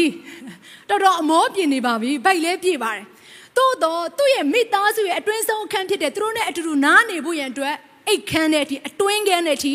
ဘုရားရဲ့လူကိုကြိုးဆိုတယ်ဒီထဲမှာအတိတ်ပဲရှိရနော်တခါလေကျမတို့ကအော်အမှုတော်ဆောင်လာရင်ကြိုဆိုရမယ်ဆိုတဲ့အိမ်မှာနေခွင့်ပေးရမယ်ဆိုတဲ့အဆင့်လောက်ပဲပြောတာမဟုတ်တော့ကျမတို့ဘေးနားမှာရှိရဖျားထားတဲ့အမှုတော်ဆောင်တွေကိုတနင်းကိုနေနေတပတ်တစ်ခါလောက်ပဲအခုလိုမျိုး အားလုံးစုံတွေ့တဲ့အေဂန်ကြီးထဲမှာငါ့ကိုနှုတ်ကပတ်တော်သင်ပေးပါဆိုတဲ့အဆင့်ပဲမဟုတ်ပဲနဲ့ကျွန်တော်ဘဝတွေကိုဝင်လာပေးပါဆရာကျွန်မဘဝတွေကိုဝင်လာပေးပါဆရာမကျွန်တော်အသက်တာထဲမှာရှိနေတဲ့အားနေခြင်းတွေကျွန်တော်ရဲ့အသက်တာထဲမှာရှိတဲ့မတိုးတက်နေတဲ့အရာတွေဝိညာဉ်ပိုင်းဆိုင်မှာပိတ်ဆို့နေတဲ့အရာတွေဖျောင်းမနစ်သက်တဲ့အရာတွေကိုထက်ခါတလဲလုံးမိခြင်းနဲ့ဆိုင်တဲ့အပြစ်တွေကိုကြော်လွှားနိုင်ဖို့အတွက်ကျွန်မဘဝတွေကိုဝင်လာပေးပါတွန်တင်ပေးပါလမ်းပြပေးပါ မိသားစုဝင်ဖြစ်နေကျွန်တော်ကိုပို့ဆောင်ပေးပါဆိုရင်ဖိတ်ခေါ်ရင်အမှုတော်ဆောင်တွေကဘာလုပ်မယ်ထင်လဲဝင်လာမှာပေါ့မဖိတ်ခေါ်ရင်တော့ဖိတ်ခေါ်တဲ့သူစီကိုရောက်သွားမှာပေါ့ right အေလိရှဲကိုတခြားသောသူတွေကမဖိတ်ခေါ်တဲ့အခါမှာတခြားသောသူတွေရဲ့အိမ်မှာသူနေတယ်ဆိုတဲ့အရာမျိုးကတော့တအားရှားပါတယ်ဖခင်ခိုင်းမှာပါတိုးတော့ဒီအမှုရာကကြတော့သူ့ကိုဖိတ်ခေါ်ခြင်းထဲကနေဖြစ်ပျက်လာတဲ့အမှုရာဖြစ်တယ်သူကြိုးဆိုတယ်အဲ့မျိုးသမီးကြိုးဆိုလိုက်တဲ့အခါမှာဖခင်လူဖြစ်တဲ့အေလိရှဲကဘာလုပ်ချင်လဲဆို သူနဲ့ဆိုင်တဲ့ကောင်းကြီးမင်္ဂလာကိုပြန်ပေးခြင်းတယ်ဟာလေလုယာဖခင်လူဆိုတာကလေတင့်ကိုကောင်းကြီးပေးဖို့နဲ့အမြဲတမ်းရှာနေတဲ့သူပါဒါကြကျွန်တော်တို့ကစဉ်းစားတဲ့အခါမှာဟာအမှုတော်ဆောင်တွေကျငါတို့အိမ်လာပြီဆိုလို့ရှိရင်အလူငွေလာတောင်းတာလားမသိဘူးနော်လာကုန်ပြီဆိုတာ no no no တင့်ကိုကောင်းကြီးပေးဖို့ရန်အတွက်တချို့သောသူတွေကျွန်မမှတ်မိတယ်လမ်းမှာကျွန်တော်တို့တွေ့လိုက်တဲ့အခါမှာတခါတည်းကောင်းကြီးပေးခြင်းလို့လို့လေဆွတောင်းပေးခြင်းလို့လို့လမ်းမှာဆွတောင်းပေးတာ အလူငွေပေးရမယ်ထင်ပြီးတော့ချက်ချင်းပဲ thank you နော်အာမင်အာမင်ဆိုချက်ချင်းထွက်သွားတယ်အဲ့တော့မဟုတ်ဘူးကောင်းကြီးပေးခြင်းတော့အဲ့ဒါကိုနားလည်ရမယ်အေလိရှေကကောင်းကြီးပေးခြင်းလို့လို့ဂေဟာစီရဲ့သွားပြီးတော့အဲ့ဒီအမျိုးသမီးကိုခေါ်ပါအောင်ဒါနဲ့ဂေဟာစီကသွားပြီးတော့ခေါ်တဲ့အခါမှာအဲ့ဒီအမျိုးသမီးကိုပြောတယ်ရှုနေမျိုးသူအမျိုးသမီးလေးရဲ့နေ့ရဲ့အသက်တာထဲမှာဟုတ်တယ်နေကထင်ပေါ်ကြော်ကြားပြီးသားသူဖြစ်ပါတယ်သို့တော်လေရှင်ဘရင်တို့စစ်ဗိုလ်ချုပ်မင်းတို့ ਨੇ နေကအလုပ်လုပ်ချင်တဲ့သူတယောက်ဖြစ်ချင်လားတနည်းအားဖြင့်အခုရှိတဲ့နေရာကနေပြီးတော့ပို့ပြီးတော့နော်နာမည်ကြီးရမယ်ပို့ပြီးတော့သင်ကောင်းစားမယ်နေရာမျိုးကိုသင်ရောက်ချင်သလားငါသွားတွေ့ပြီးတော့ပြောပေးမယ်တဲ့ကြည့်နော်အမှုတော်ဆောင်နဲ့ဆိုင်တဲ့ကောင်းကြီးရှိလားမရှိဘူးလားရှိတယ်အဲ့ဒါကိုကြိုးစိုးတက်တဲ့သူမှပဲရမှာဖြစ်တယ်ဒါနဲ့ခုနရှုနေမျိုးသမီးကဘာပြန်ပြောလဲတဲ့လားကိုရော်ရဲတဲ့အဲ့ဒါတွေကျွန်မစိတ်ဝင်စားပါဘူးအဲ့တော့ကျန်းစာထဲမှာပြောထားတဲ့အရာလေးကတော့တကြောင်ပဲဒါပေမဲ့ အဲ့တကြောင်ကိုစင်ကြင်လိုက်တဲ့အခါမှာအများကြီးထွက်လာတယ်သူပြောတဲ့အရာကကျမရဲ့ဆွေမျိုးတွေနဲ့ပဲကျမနေပါအောင်မယ်တဲ့ပြောချင်တဲ့အရာကိုရော့ကိုကျမရဲ့အိမ်ထဲမှာခေါ်ဖိတ်ပြီးတော့ကျွေးမွေးတယ်ဧကန်တယ်နေစေတယ်ကျေးဇူးပြုတယ်ဆိုတဲ့အရာကကိုရိုနဲ့ဆိုင်တဲ့ကောင်းကြီးတွေကိုရိုနဲ့ဆိုင်တဲ့နော်တကယ်ကိုဟိုမျက်နာရခြင်းတွေကိုပဲရဖွင့်တယ်ကျမခေါ်တာမဟုတ်ပါဘူးတဲ့ဆိုတဲ့ရကဝိညာဉ်နဲ့ဆိုင်တဲ့ကောင်းကြီးကိုသူလိုချင်လို့သူခေါ်လိုက်တာပဲအာမင်တခါတလေကျမတို့ကအမှုတော်ဆောင်တွေနဲ့ တွေ့တဲ့အခါမှာဘယ်အချိန်မှာတွေ့လေရှိလဲဆိုတော့အဲဒီလိုပြောလိုက်လို့နော်အမှုတော်ဆောင်တွေမတွေ့ရဘူးလို့ပြောတာမဟုတ်ဘူးနော်ဒုက္ခရောက်နေတဲ့ဆရာရဲ့ဆူတောင်းပေးပါဦးနော်အဲ့ချိန်ချိုင်တော့ရောက်ရှိလာတာတွေရှိတယ်နော်မလာနဲ့လို့မပြောနော်လာရမယ်နော်သို့တော့ဒုက္ခရောက်တဲ့အချိန်မှာလာတာမဟုတ်ဘူးလေအာဆရာရဲ့စီးပွားရေးအဆင်မပြေတော့ဘူးရှုံးနေသွားတယ်။အိုးဆရာရဲ့ကျမအကျွေးတွေအရန်ပက်ပက်လဲဝိုင်းနေတယ်။အဲ့ဒီချိန်ကျမှလာလာမဖြစ်စေချင်ဘူး။ နော်။အဲ့တော့ဘလို့ဖြစ်စေချင်လဲဆိုတော့ကောင်းစားသည်ဖြစ်စေဆင်းရဲသည်ဖြစ်စေဝမ်းမြောတဲ့ချိန်ဖြစ်နေပြီဖြစ်စေဝမ်းနေခြင်းနဲ့ကြုံတွေ့နေရတဲ့အချိန်ဖြစ်နေပါစေအမြဲတမ်းကိုကသွားရောက်ပြီးတော့ကိုယ့်ရဲ့အသက်တာကိုသူတို့လက်လက်ထဲမှာနော်သွားပြီးတော့ထိတ်တက်တယ်ဆိုရင်ဘာဖြစ်လာမလဲသိလားသူတို့နဲ့ဆိုင်တဲ့တန်ရှင်းခြင်းကောင်းကြီးမင်္ဂလာဘိတ်သိက်ကောင်းကြီးမင်္ဂလာအိုးအသက်တာထဲမှာလုံးဝမပွင့်သေးတဲ့တကားတွေပွင့်ခြင်းဆိုတဲ့ကောင်းကြီးမင်္ဂလာတက်ရောက်လာစရာအကြောင်းရှိတယ်အဲ့တော့အဲ့မျိုးသမီးက အဲ့လိုပြန်ဖြေတဲ့အခါမှာအီလိရှေမကျေနပ်သေးဘူးဘာဖြစ်လို့လဲဆိုတော့ကောင်းကြီးပေးစင်တာ哦နာနဲ့မျိုးသမီးပြန်သွားတယ်သူ့အကျုံဂေဟာစီကိုမြင်တယ်ဂေဟာစီငါဒီမျိုးသမီးကိုကောင်းကြီးပေးချင်တယ်သူဘာလို့လဲထင်လဲဘာလို့အဲ့မျိုးသမီးကဘာမှမလိုတာသူလိုချင်လို့သူရချင်လို့အမှုတော်ဆောင်ကိုသူခေါ်ကြွေးတာမဟုတ်ဘူးလေနော်ဆိုတော့ဒါနဲ့အဲ့အမျိုးသမီးနော်အဲ့လိုမျိုးဘာလို့မလဲဆိုတဲ့အရာကိုဂေဟာစီကစဉ်းစားတဲ့အခါမှာအီလိရှေကိုပြန်ပြောတယ်သူကသူ့အမျိုးသားကအသက်ကြီးနေပြီ သူတို့ခလေးလည်းအခုချိန်လေးမရသေးဘူး။ခလေးတအားလိုချင်မှာပဲ။ဒါကြောင့်မသူတို့စီမှာခလေးလိုရနေတူတယ်လို့ပြောလဲပြောလိုက်ကော။အီလိရှေကပြောတယ်။တော့ခေါ်ခဲ့အဲ့မျိုးသမီးကိုငါကောင်းချီးပေးခြင်းတယ်။ဟာလေလုယာအဲ့ချိန်မှာအဲ့အမျိုးသမီးလေးရောက်လဲရောက်လာတခါမှမသူအဲ့လိုမျိုးကောင်းကြီးခံစားရဖို့ရန်အတွက်အမှုတော်ဆောင်ကိုချင်းကပ်ခဲ့တာမဟုတ်တဲ့အတွက်ကြောင့်မလို့မယုံနိုင်ဘူးကိုရောရဲ့မှုတာမသုံးပါနဲ့တဲ့ဆိုတဲ့သဘောကကိုရောဂတိပေးတာတကယ်ဟုတ်ရဲ့လား ကိုရဂတိပေးရဆိုရင်တော့ကျမယူမယ်ဆိုတဲ့သဘောပေါ့တိုးတော့သူ့အနေနဲ့မတောင်းတဲ့စုကိုရလိုက်တဲ့အခါမှာအယံအံ့ဩသွားတဲ့အတွက်ကြောင့်မလို့သူ့အနေနဲ့ကိုရရဲ့မှုသားမသုံးပါနဲ့တဲ့ဒါနဲ့အေလိရှေကပြန်ပြောတယ်ချင်းချက်ထားတဲ့အချိန်စိတ်တဲ့အခါမှာသားကိုသင်ထွေးပတ်ရတဲ့ခွင့်ကိုရမယ်ဟာလေလုယာအမှန်တော့သားသမီးယေရနာရဖို့ဆိုတာကဘလို့ကြိုးစားကြိုးစားလွယ်တဲ့ကိစ္စမှမဟုတ်တာ right ကျမ်းစာထဲမှာပြောထားတယ်လေဖွားမြင်သောသားသမီးဟာဘယ်သူဆုချတာလဲဖျားဆုချတာဖျားပေးတဲ့အမွေယရနာဖြစ်တယ် ကိုကိုရိုင်းစူးစမ်းလို့ရတဲ့အရာမဟုတ်ဘူးနော်အဲ့ဒါကိုနားလည်စေချင်တယ်ဒီလောက်ထိသားမဖွားနိုင်တဲ့ one bite ဒီ one bite ထဲမှာဘုရားခင်ကသွားဖွားတဲ့အခွင့်ကိုပေးလိုက်တယ်ဆိုတဲ့အရာကအခုနအမှုတော်ဆောင်နဲ့ကပ်ပါလာတဲ့ကောင်းကြီးဆေးဆရာတွေမတက်နိုင်တဲ့အရာ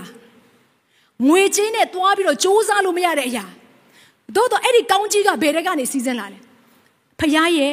ခွဲခန့်ထားတဲ့ဗိတ်သိက်ခံတဲ့ တန်ရှင်းတဲ့ဖခင်ရဲ့လူတွေအပြင်စီးစင်းလာတဲ့အရာဖြစ်တယ်ကျွန်တော်စဉ်းစားရအောင်ဒီထဲမှာထိုင်နေတဲ့မိသားစုဝင်များ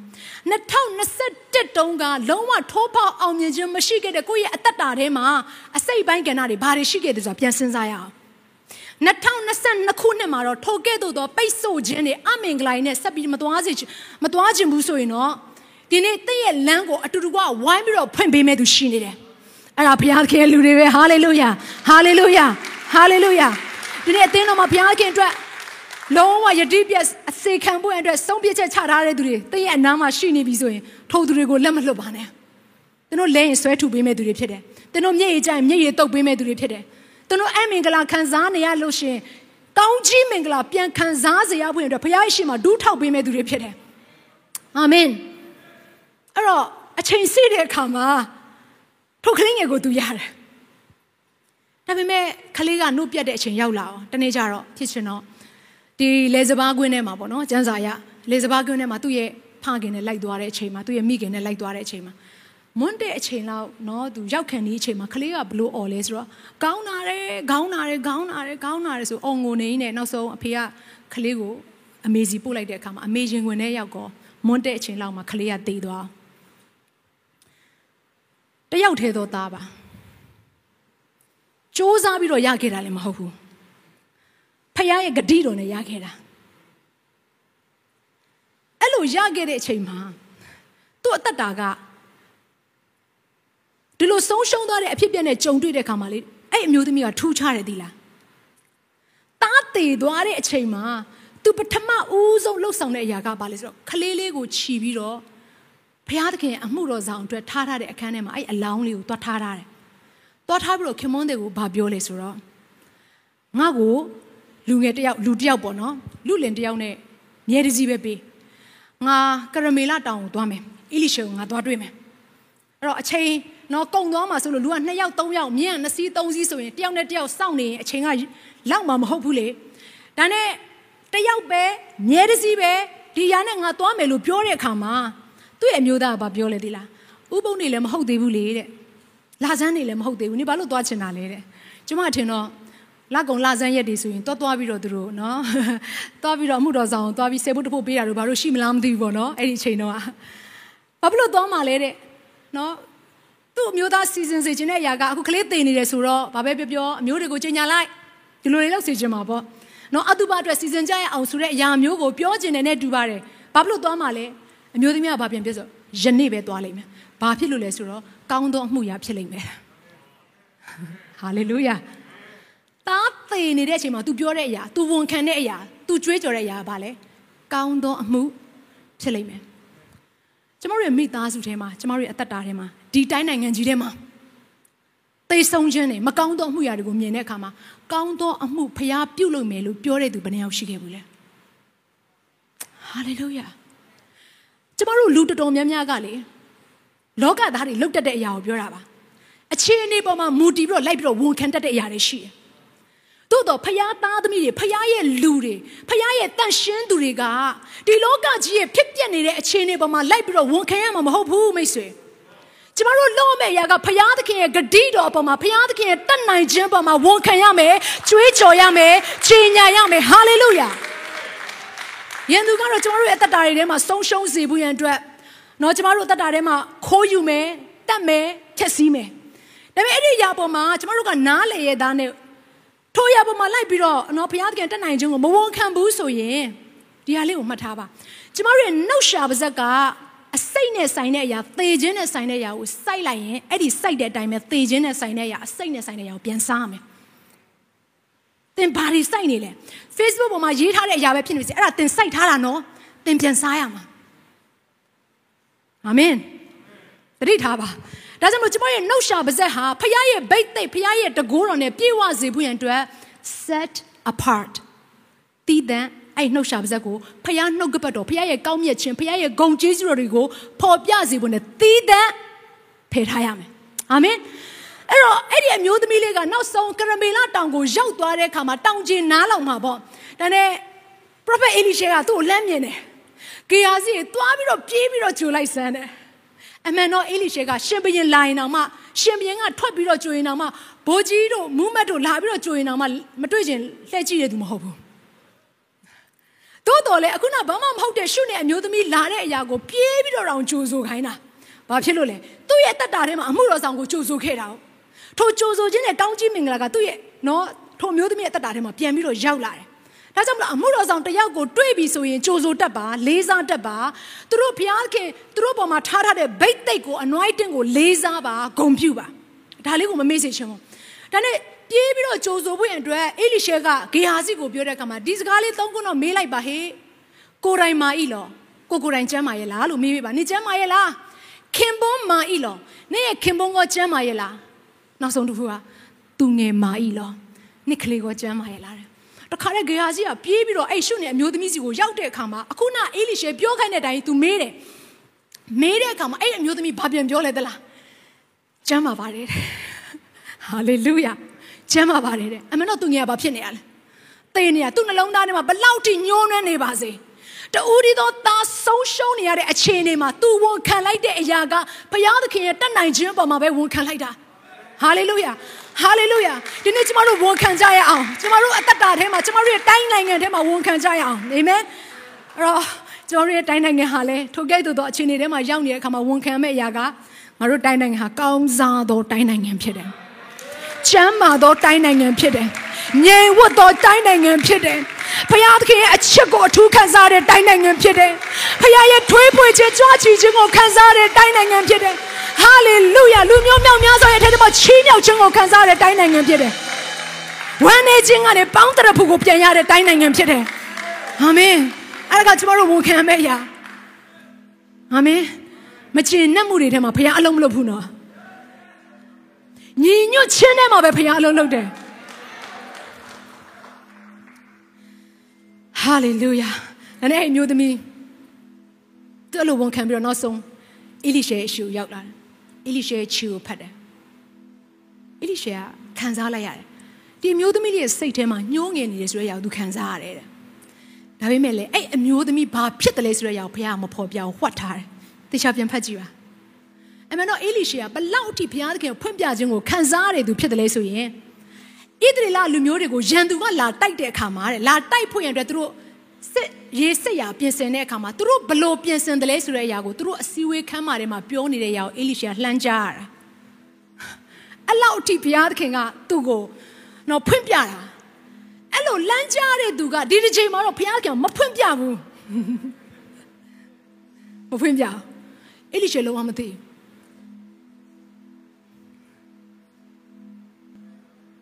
တနေ့အမျိုးသမီးကဘာပဲပြောလဲဆိုကိုရောတဲ့သူသားတည်တယ်လို့သူမပြောဘူးနော်အီလိရှာဘာဖြစ်လဲဘာဖြစ်လဲဘာဖြစ်လဲဖွင့်ပြပါလို့ပြောတဲ့အခါမှာအမျိုးသမီးကလုံးဝမပြောဘူးမကောင်းတဲ့အရာပေါ်မှာသူဝန်ခံဖို့နဲ့လုံးဝဆန္ဒမရှိတဲ့ပုံပဲအဲ့တော့သူဘလို့ပဲဝန်ခံလိုက်တယ်လေဆိုရင်ကိုရောကျမကိုဂတိပေးထားတယ်မဟုတ်ဘူးလားမှုသားမပြောဘူးဆိုတဲ့အရာလေးဒါလေးပဲသူဘယ်အပေါ်မှာပဲသူဝန်ခံလိုက်လဲဆိုတော့ဂတိတော်အပေါ်မှာပဲဝန်ခံလိုက်တာအာမင်ဒါကြောင့်ယုံကြည်သူများကျမတို့ဟာလေဖခင်ရဲ့ဂတိတော်အပေါ်မှာအမြဲတမ်း ဝန်ခံတတ်တဲ့သူတွေဖြစ်ရမယ်ဖခင်ကိုအမြဲတမ်းအားပြုနေရမယ်ဒါလေးကိုကျွန်မတစ်ချက်လေးဖြတ်ပြီးတော့ပြောခြင်းနဲ့စာလံ84ထဲမှာဒီလိုပြောထားတယ်ဒါအရေးကြီးလို့ပါဟာလေလုယာစာလံ84အခန်းငယ်9ကနေ9အထိရှိတယ်ကိုတော်ကိုအားပြုတော်သူသည်မင်္ဂလာရှိပါ၏ထို့သောသောသူတို့သည်လန်ခီတော်တို့ကိုနှလုံးသွင်းတတ်ကြပါ၏သူတို့သည်ဘာကာလွင်ပြင်၌ရှောက်သွားစဉ်ထိုလွင်ပြင်ကိုစမ်းရည်ထွက်ရာအရက်ဖြစ်စေကြပါ၏အရင်မိုးရည်လည်းမင်္ဂလာများနှင့်လွမ်းစေပါ၏ သူတို့သည်အားတိုးတက်၍ခရီးသွားလျက်ဇီးအောင်မြို့မှာဖျားသခင်ထံတော်၌မျက်နှာပြကြပါ၏အဲ့တော့ဒီမှာဗာပြောထားလေဆိုရင်ဖျားသခင်ရဲ့လူတွေဟာတဲ့ဖျားကိုအားပြုတဲ့အခါမှာမင်္ဂလာရှိတော်သူတွေဖြစ်လာတယ်တဲ့ဘလောက်ပဲသူရှိတဲ့အရက်ကဘာကာလွင်ပြင်ကဲ့သို့သောသွေးချောင်းနေတဲ့အရက်ဖြစ်ပါစေတဲ့ဒီဒီကျမ်းစာလေးအရန်ထူးခြားတယ်နော်သူကဘာပြောထားလဲဆိုရင်မိုးရေလဲမင်္ဂလာများနဲ့လွှမ်းစေတတ်ပါ၏လွှမ်းစေပါ၏ ထိုသူရဲ့အသက်တာကဘာကာလွင်ပြင်ထဲကိုရောက်သွားရင်တော့မှအဲ့ဒီလွင်ပြင်ထဲရောက်နေတဲ့အချိန်မှာတော့မှမိုးရေရရှိဖို့ရန်အတွက်ပြင်ဆင်နိုင်တဲ့သူတွေတဲ့အဲ့တော့သူ့ရဲ့တမိုင်းကိုပြန်လေ့လာမယ်ဆိုဘာကာလွင်ပြင်ထဲကိုရောက်သွားတဲ့သူတွေအားလုံးကဘာလုပ်ကြရလဲဆိုလို့ရှိရင်မိုးမရခွင်အရင်ကျွင်းတူးထားတယ်အဲ့လိုကျွင်းတူးထားတဲ့အချိန်ကြမှာမိုးရွာတဲ့အခါမှာရေကိုခံထားပြီးတော့ဟိုတကယ့်ကိုမြောက်များစွာသောအသက်ရှင်ခြင်းတွေကိုပြန်လဲပြီးတော့ဖြစ်စေတဲ့เนาะအရာဖြစ်လာတယ်အဲ့တော့ပြောချင်တဲ့အရာကသင်ဟာ ဖခင်ရဲ့လူဖြစ်တယ်ဆိုရင်ဘယ်နေရာပဲရောက်ရောက်စိုးသွမ်းတဲ့အခြေအနေပဲဖြစ်နေပါစေစိုးရွားတဲ့အခြေအနေပဲဖြစ်နေပါစေသင်ရှိတဲ့အရက်ကဖခင်သခင်ရဲ့ကောင်းကြီးမိုးနဲ့ပြည့်ရှင်တဲ့အတ္တဖြစ်ကိုဖြစ်သွားတာအဲ့ဒါသင်ရဲ့တာဝန်ပဲအဲ့ဒါသင်ရဲ့အရာအရာပဲအဲ့ဒီအချိန်မှာဖခင်ရဲ့ဘုန်းကထင်ရှားလာတာလေဟာသူလည်းဒုက္ခရောက်နေတယ်ငါလည်းဒုက္ခရောက်နေတယ်ဒါပေမဲ့သူ့ရဲ့အတ္တထဲမှာကျတော့ထူးခြားနေတယ်ဝမ်းမြောက်ခြင်းစီးစင်းနေတယ်အသက်ရှင်ခြင်းစီးစင်းနေတယ်ငြိမ်သက်ခြင်းစီးစင်းနေတယ်အာမင် တင့်ကိုဘုရားကထိုအမှုရအတွက်ရွေးချယ်ထားတာဖြစ်တယ်။ဒါကြောင့်မလို့ထိုကဲ့သို့သောသူဟာဘာဖြစ်လဲဆိုတော့လိုက်ပြောပါအာတိုးတက်၍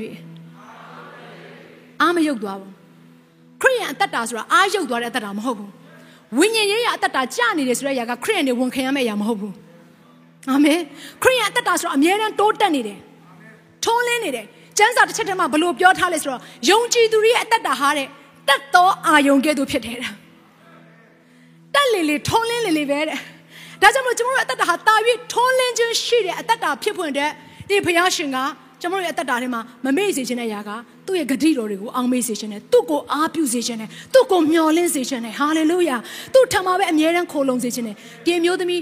တခြားသောသူတွေနောက်ဆုံးသူ့သူ့ယောက်ျားနဲ့တောင်မှသွားပြီးတော့ဘလို့ဘလို့လှုပ်လိုက်မယ်ဘယ်ဆေးဆရာခေါ်လိုက်မယ်လို့ तू မပြောဘူးဖခင်ကို तू အားကိုးတယ်ဖခင်ရဲ့ဂတိတော်အပေါ်မှာ तू ယုံကြည်နေတာဖြစ်တယ်အာမင်ဖခင်ခွဲခံထားတဲ့သူနဲ့ပဲ तू သွားရောက်တိုင်ပင်တယ်အဲ့တော့ဘာရလာလဲ godly wisdom တမန်တရားနဲ့ဆိုင်တဲ့အကြံဉာဏ်ကိုသူတို့ရတယ်အပြင်ကတက်ကြွခြင်းနဲ့ဆိုင်တဲ့လောကီလူတွေကိုတွားပြီးသင်ပြောရင်လောကီရဲ့တက်ကြွခြင်းပညာပဲသင်ရလိမ့်မယ်။သို့တော့ဘုရားသခင်ခွဲခံထားတဲ့ဗိတ်သိက်တင်ထားတဲ့သူကိုသင်ကတွားရောက်ပြီးတော့ပြောဆိုရဆိုရင်ထိုဗိတ်သိက်နဲ့ဆိုင်တဲ့အရာတကိုးနဲ့ဆိုင်တဲ့အရာသင်ရဲ့ထဲထဲမှာစီးကိုစီးစင်းတယ်။ဟာလေလုယာ။အဲ့တော့အဲ့ဒီမျိုးသမီးက prophet Elisha ကိုနော်သူပြောရရ ကျမတို့နော်ကျမရဲ့နေရာကိုလိုက်ခဲ့ပေးပါလို့ပြောတဲ့အခါမှာအေလိရှေကအော်ဂေဟာဇီနဲ့လွတ်လိုက်မယ်လေတဲ့ဂေဟာဇီနဲ့လွတ်လိုက်မယ်ဂေဟာဇီမင်းတောင်ဝေးကိုယူသွားခလေးရဲ့မျက်နှာပေါ်မှာတင်ထားလိုက်တယ်မြန်မြန်သွားတယ်အဲ့ဒါအမျိုးသမီးကဘာပြန်ပြောလဲဆိုတော့ကိုတော့မပိုင်ကျမမသွားဘူးအာမင်ဒုက္ခရောက်တဲ့အချိန်မှာကိုဘေးနာမှာဖျားထားထားတဲ့ဝိညာဉ်လူတွေကိုအမြဲတမ်းချိတ်ဆက်တတ်တဲ့သူဖြစ်ပါကိုယ့်ကိုတယောက်တည်းရှောင်းမလုံးနဲ့တယောက်တည်းရှောင်းမလုံးနဲ့ ချို့ရကိုကကိုအားကိုးလိုက်ချင်တာလေအဲ့တော့တမန်တရားလမ်းတွေကလွဲရောအကျွေးတွေထူလာတယ်အကျွေးထက်ချီတယ်ပို့ပြီးတော့အကျွေးအကျွေးထဲမှာနစ်သွားတယ် right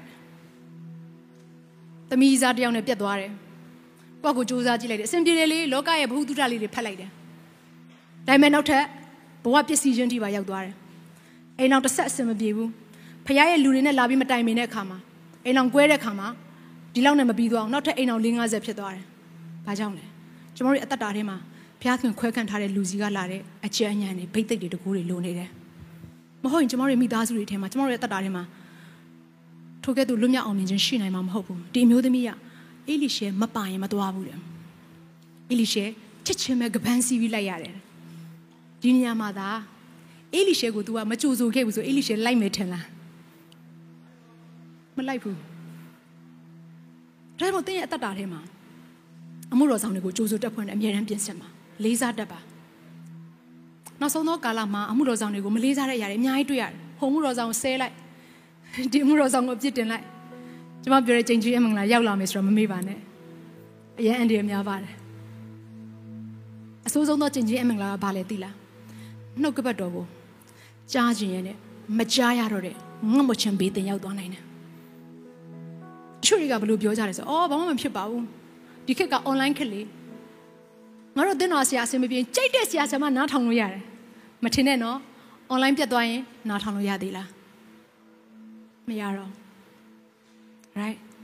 တင်လုံနေတဲ့အရာကထိုဖျားသခင်အမှုတော်ဆောင်နဲ့ချိတ်ဆက်ပြီးတော့နေ့ရက်အစဉ်တိုင်းမှာအတူတူကြီးထွားတဲ့အသက်တာကြီးဖြစ်ပွင့်တဲ့တင်လုံနေတာခရိယန်တက်တာဆိုတယောက်တည်းရှောက်ရတဲ့အသက်တာမဟုတ်ဘူးအာမင်တင်ကိုကြည့်ရှုပေးမဲ့သူလိုကိုလိုတယ် ဒါကြောင့်မလို့ကျမ်းစာထဲမှာဗာပြောထားဆိုဆရာတထောင်းတော့ရှိရင်ရှိမယ်တဲ့အဘာကဲ့သို့ကြည်နေတဲ့သူမရှိဘူးတဲ့အရင်နေတယ်ကျမတို့ဝိညာဉ်ရေးရာကိုအဘာကဲ့သို့ကြည့်ရှုပေးမဲ့သူတွေတင်လို့တယ်မှန်ပါတယ်စစ်မှန်တဲ့အဖကတော့ကောင်းငင်ဖခင်ပဲတိုးတော့မြေကြီးပေါ်မှာတင်အသက်ရှင်တဲ့အခါမှာတဲ့ရဲ့ဝိညာဉ်ရေးရာကိုသားသမီးတယောက်ကဲ့သို့အသေးစိတ်အတွင်းစိတ်ကြည့်ရှုပေးဖို့အတွက်တင်မှာ mentoring လုပ်ဖို့ရန်အတွက် spiritual တော့တကယ်ကိုလုပ်ပေးဖို့ရန်အတွက်လိုအပ်နေပါတယ်ဒါကြောင့်မလို့သင်ပြင်စင်မှာကြိုးစိုးပါ သူတို့နဲ့ဆိုင်တဲ့ဘိတ်တဲ့ရောက်ရှိစရာအကြောင်းရှိတယ်အဲ့ဒီမျိုးသမီးကကြိုးစိုးတဲ့အခါမှာအေလိရှေရောက်သွားတယ်အေလိရှေဆူတောင်းပေးတယ်ကလေးအသက်ပြန်ရှင်တယ်ဘာလို့အသက်ပြန်ရှင်လဲအေလိရှေကိုကြိုးစိုးခဲ့ပေးတဲ့အတွက်ကြောင့်မလို့အေလိရှေနဲ့ဆိုင်တဲ့တကိုးနဲ့ဘိတ်သိက်ကအဲ့သားငယ်လေးရဲ့ထဲထဲမှာပြန်စီးဆင်းသွားတာဖြစ်တယ်အာမင်ကျွန်တော်တို့အိမ်နေထဲမှာကျွန်တော်တို့ရဲ့အသက်တာထဲမှာအသက်ရှင်ခြင်းနဲ့ဆိုင်တဲ့ထိုဘုရားခင်ခွဲခန့်ထားတဲ့လူတွေရဲ့ကောင်းကြီးမင်္ဂလာကျွန်တော်တို့တက်တာတွေမှာလိုတယ်။ မှန်ပါတယ်ဘုရားခင်ဓာတ်ရိုက်အလုတ်လုတ်တတ်တယ်။သို့တော့တဆင့်ခံပြီးတော့သူခွဲခန့်ထားတဲ့လူတွေနဲ့အလုတ်လုတ်တယ်ဆိုတာကိုလည်းမမေ့ပါနဲ့။သူတို့အားဖြင့်ပဲတင်းရဲ့အသက်တာထဲမှာပိတ်ဆို့နေတဲ့တကားတွေပွင့်သွားစရာအကြောင်းရှိ။ဒါကြောင့်ပြန်လေပြီးတော့စာငယ်ရအောင်ကိုတော့ကျမရဲ့အသက်တာထဲမှာကျွန်တော်ရဲ့အသက်တာထဲမှာကိုတော့ခွဲခန့်ပေးထားခဲ့တဲ့အမှုတော်ဆောင်တွေကိုတော့ပေးထားခဲ့တဲ့ဝိညာဉ်ရေးကခေါင်းဆောင်တွေကိုကျွန်တော်ပြစ်မှားမိတဲ့အရာရှင်ကျွန်တော်ကိုခွင့်လွှတ်ပါကျွန်မကိုခွင့်လွှတ်ပါဆိုပြီးတော့တောင်းပန်ရမယ်အဲဒီစကားကိုကြားတဲ့အခါမှာနည်းနည်းလေးတော့နားခါကောင်းခါပါလိမ့်မယ်ဒါပေမဲ့တည့်ရဲ့တက်တာ ကောင်းစားဖို့ရန်အတွက်ကျွန်မပြောနေခြင်းဖြစ်တယ်ကောင်းစားဖို့ရန်အတွက်ပြောနေတဲ့အခါမှာကာယပိုင်းတစ်ခုတည်းပြောတာမဟုတ်ဝိညာဉ်ကောင်းကြီးအကုန်ပါတယ်အာမင်ပြီးရင်ဘုရားသခင်ခွဲခန့်ထားပေးတဲ့အမှုတော်ဆောင်တွေစီကနေပြီးတော့ဆုတောင်းခံချက်တွေတင်လိုအပ်တယ်အကြံဉာဏ်ပေးချက်တွေတင်လိုအပ်တယ်သူတို့ကိုကြိုးစိုးဖို့ရန်အတွက်သူတို့အသက်တာတွေကစီးစင်းလာတဲ့ဘိတ်သိက်တွေကိုခံယူဖို့ရန်အတွက်တင့်ကိုပြင်ဆင်စေချင်တယ်အခုကျမတို့ခဏနေအစည်းအဝေးပြီးသွားတဲ့အခါမှာကျမဆုတောင်းပေးခြင်းတယ်ဘာအတွက်ဆုတောင်းပေးမလဲဆိုတော့ဒီမှာရှိအမှုတော်ဆောင်တွေအားလုံးကအရှိကိုထွက်ရောက်ပြီးတော့ စက္ကအနှံပြီးတော့ဟုတ်တယ်အမှုတော်ဆောင်နဲ့ဆိုင်တဲ့ကောင်းကြီးမင်္ဂလာငါရဲ့အသက်တာထဲမှာလိုတယ်သူတို့အားဖြင့်ဘုရားသခင်လှုပ်ထားတဲ့နော်ဝိညာဉ်ရေးကကောင်းကြီးတွေခံရဖို့ရန်အတွက်ငါစာငတ်တယ်ဆိုတဲ့သူများရှိရင်ကျမတို့ကဆုတောင်းပေးမှာဖြစ်တယ်။ဒါဆိုဘုရားခင်ကိုယ်တိုင်ကလည်းစာငတ်တဲ့သူကိုမကြော်သွားဘူးလေ right နောက်ဆုံးကျမတို့ဟိုတရားဟောချက်ပြီးသွားတဲ့အခါမှာကျမတို့အများရန်ရှိပါတယ်အဆုံးသက်မှာပြီးသွားရင်မပြန်ဘူးလေကျမတို့ဆုတောင်းခံကြရမလားတယောက်ပြီးတယောက်ဆုတောင်းခံတယ်အဲ့လိုဆုတောင်းခံကြအရန်ကောင်းတယ် ဒါပေမဲ့လူရမ်းများတဲ့ခါမှာမပြီးတော့ဘူးပေါ့နော်အဲ့တော့ဒီနေ့တခါတည်းဆူတောင်းပေးမှဖြစ်တယ်ပြီးမှတယောက်တယောက်ထပ်မှာမဟုတ်ဘူးနော်ထွက်ချင်တဲ့သူတခါတည်းထွက်ခဲ့တခါတည်းအမှုတော်ဆောင်တွေတယောက်တည်းမဟုတ်ဘူးအကုန်လုံးကဆူတောင်းပေးမှဖြစ်တယ်ဘာအတွက်လဲဆိုတော့2022ခုနှစ်ဟာတင့်အတွက် breakthrough ရမယ်နှစ်ဖြစ်ဖို့ရတဲ့ပါအာမင် hallelujah ဒါကြောင့်ဒီနေ့ဒီထဲမှာဘယ်နှယောက်ကများ ဘုရားသခင်ခွဲခန့်ပြီးတော့ဗိတ်သိက်တင်ထားတဲ့ခေါင်းဆောင်တွေထက်ကစီးစင်းလာမဲ့ကောင်းကြီးမင်္ဂလာကိုလိုချင်တယ်လေသင်လိုချင်တယ်ဆိုတော့သင်ရဲ့တရားထဲမှာဒီနေ့ရကိုရမှာဖြစ်တယ်ဟာလေလုယာကျွန်တော်တို့အားလုံးရှိနေရကနေမတည့်ရကြရအောင်အာမင်ဟာလေလုယာအမှုတော်ဆောင်နဲ့ဆိုင်တဲ့ကောင်းကြီးမင်္ဂလာကိုရဖို့ရန်အတွက်အမှုတော်ဆောင်ကိုချင်းကပ်ရမယ် ယုံကြည်သူအချင်းချင်းနဲ့ဆိုင်တဲ့ကောင်းကြီးမင်္ဂလာကိုရဖို့ရန်အတွက်ယုံကြည်သူချင်းချင်းမိတ္တဟာရဖွဲ့ရမယ်ဒါမှသာလေသူ့အသက်တာထဲမှာရှိနေတဲ့ကောင်းကြီးတင့်သက်တာတွေကိုစီးစင်းလာမှာစင်ရဲသောသူတွေထံကနေဘုရားခင်စီးစင်းစေမဲ့ကောင်းကြီးမင်္ဂလာကိုလည်းစင်ရဲသောသူမုတ်ဆိုးမာတွေအားငယ်နေတဲ့သူတွေဘဝမျောလင်းချက်မရှိတဲ့သူတွေဟာလေလုယာထိုသူတွေကိုသင်ချင်းကပ်ပြီးတော့သင်ရဲ့လက်ကိုရှေးစေမယ်ဆိုရင်သူတို့နဲ့ဆိုင်တဲ့ကောင်းကြီးမင်္ဂလာရမယ်ဘုရားကိုမသိသေးသောသူတွေကိုအေဝံဂေလိဝင်ငှတယ်ဆိုရင်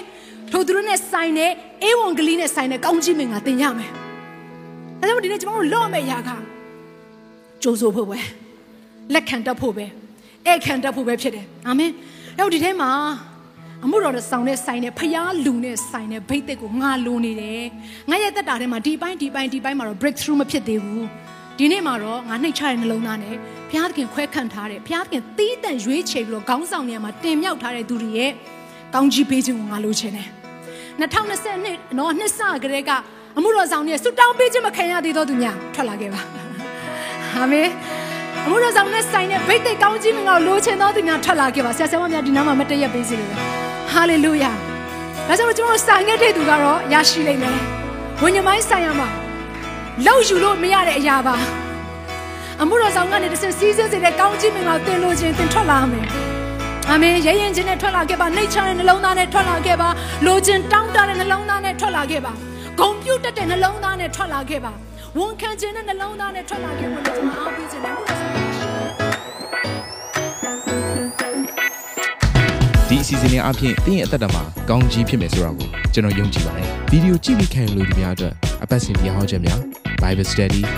ကြီးမွန်ကိုယ်ွယ်ခြင်းနဲ့အခြားသောအကြောင်းအရာတွေဟာ တင်းအတွက်အဆင်ပြေရှိနေပါတယ် YouTube မှာ The City Space TV လို့ရိုက်ထည့်လိုက်တဲ့အခါကျွန်တော်တို့ကိုတွေ့ရှိမှာဖြစ်ပါတယ် Subscribe လုပ်ခြင်းအပြင်တင်းနဲ့ထက်ချက်မကွာအမြင်ရှိနေပါဘူးဒါအပြင် Facebook မှာလည်း The City ရန်ကုန်လို့ရိုက်ထည့်လိုက်တဲ့အခါတည်င်းအချက်အလက်နဲ့ poster တွေကိုအချိန်နဲ့တပြေးညီတွေ့ရှိအောင်မှာဖြစ်ပါတယ်ခင်ဗျာ The City Podcast ကိုနားထောင်ကြတိုင်းဖခင်သခင်ရဲ့ထူကြသောဖွင့်ပြချက်နဲ့ကောင်းကြီးမင်္ဂလာများခံစားမိကြောင်းကျွန်တော်ဆုတောင်းရင်ဒီ season လေးကိုဒီမှာပဲပြန်လာပါရစေခင်ဗျာ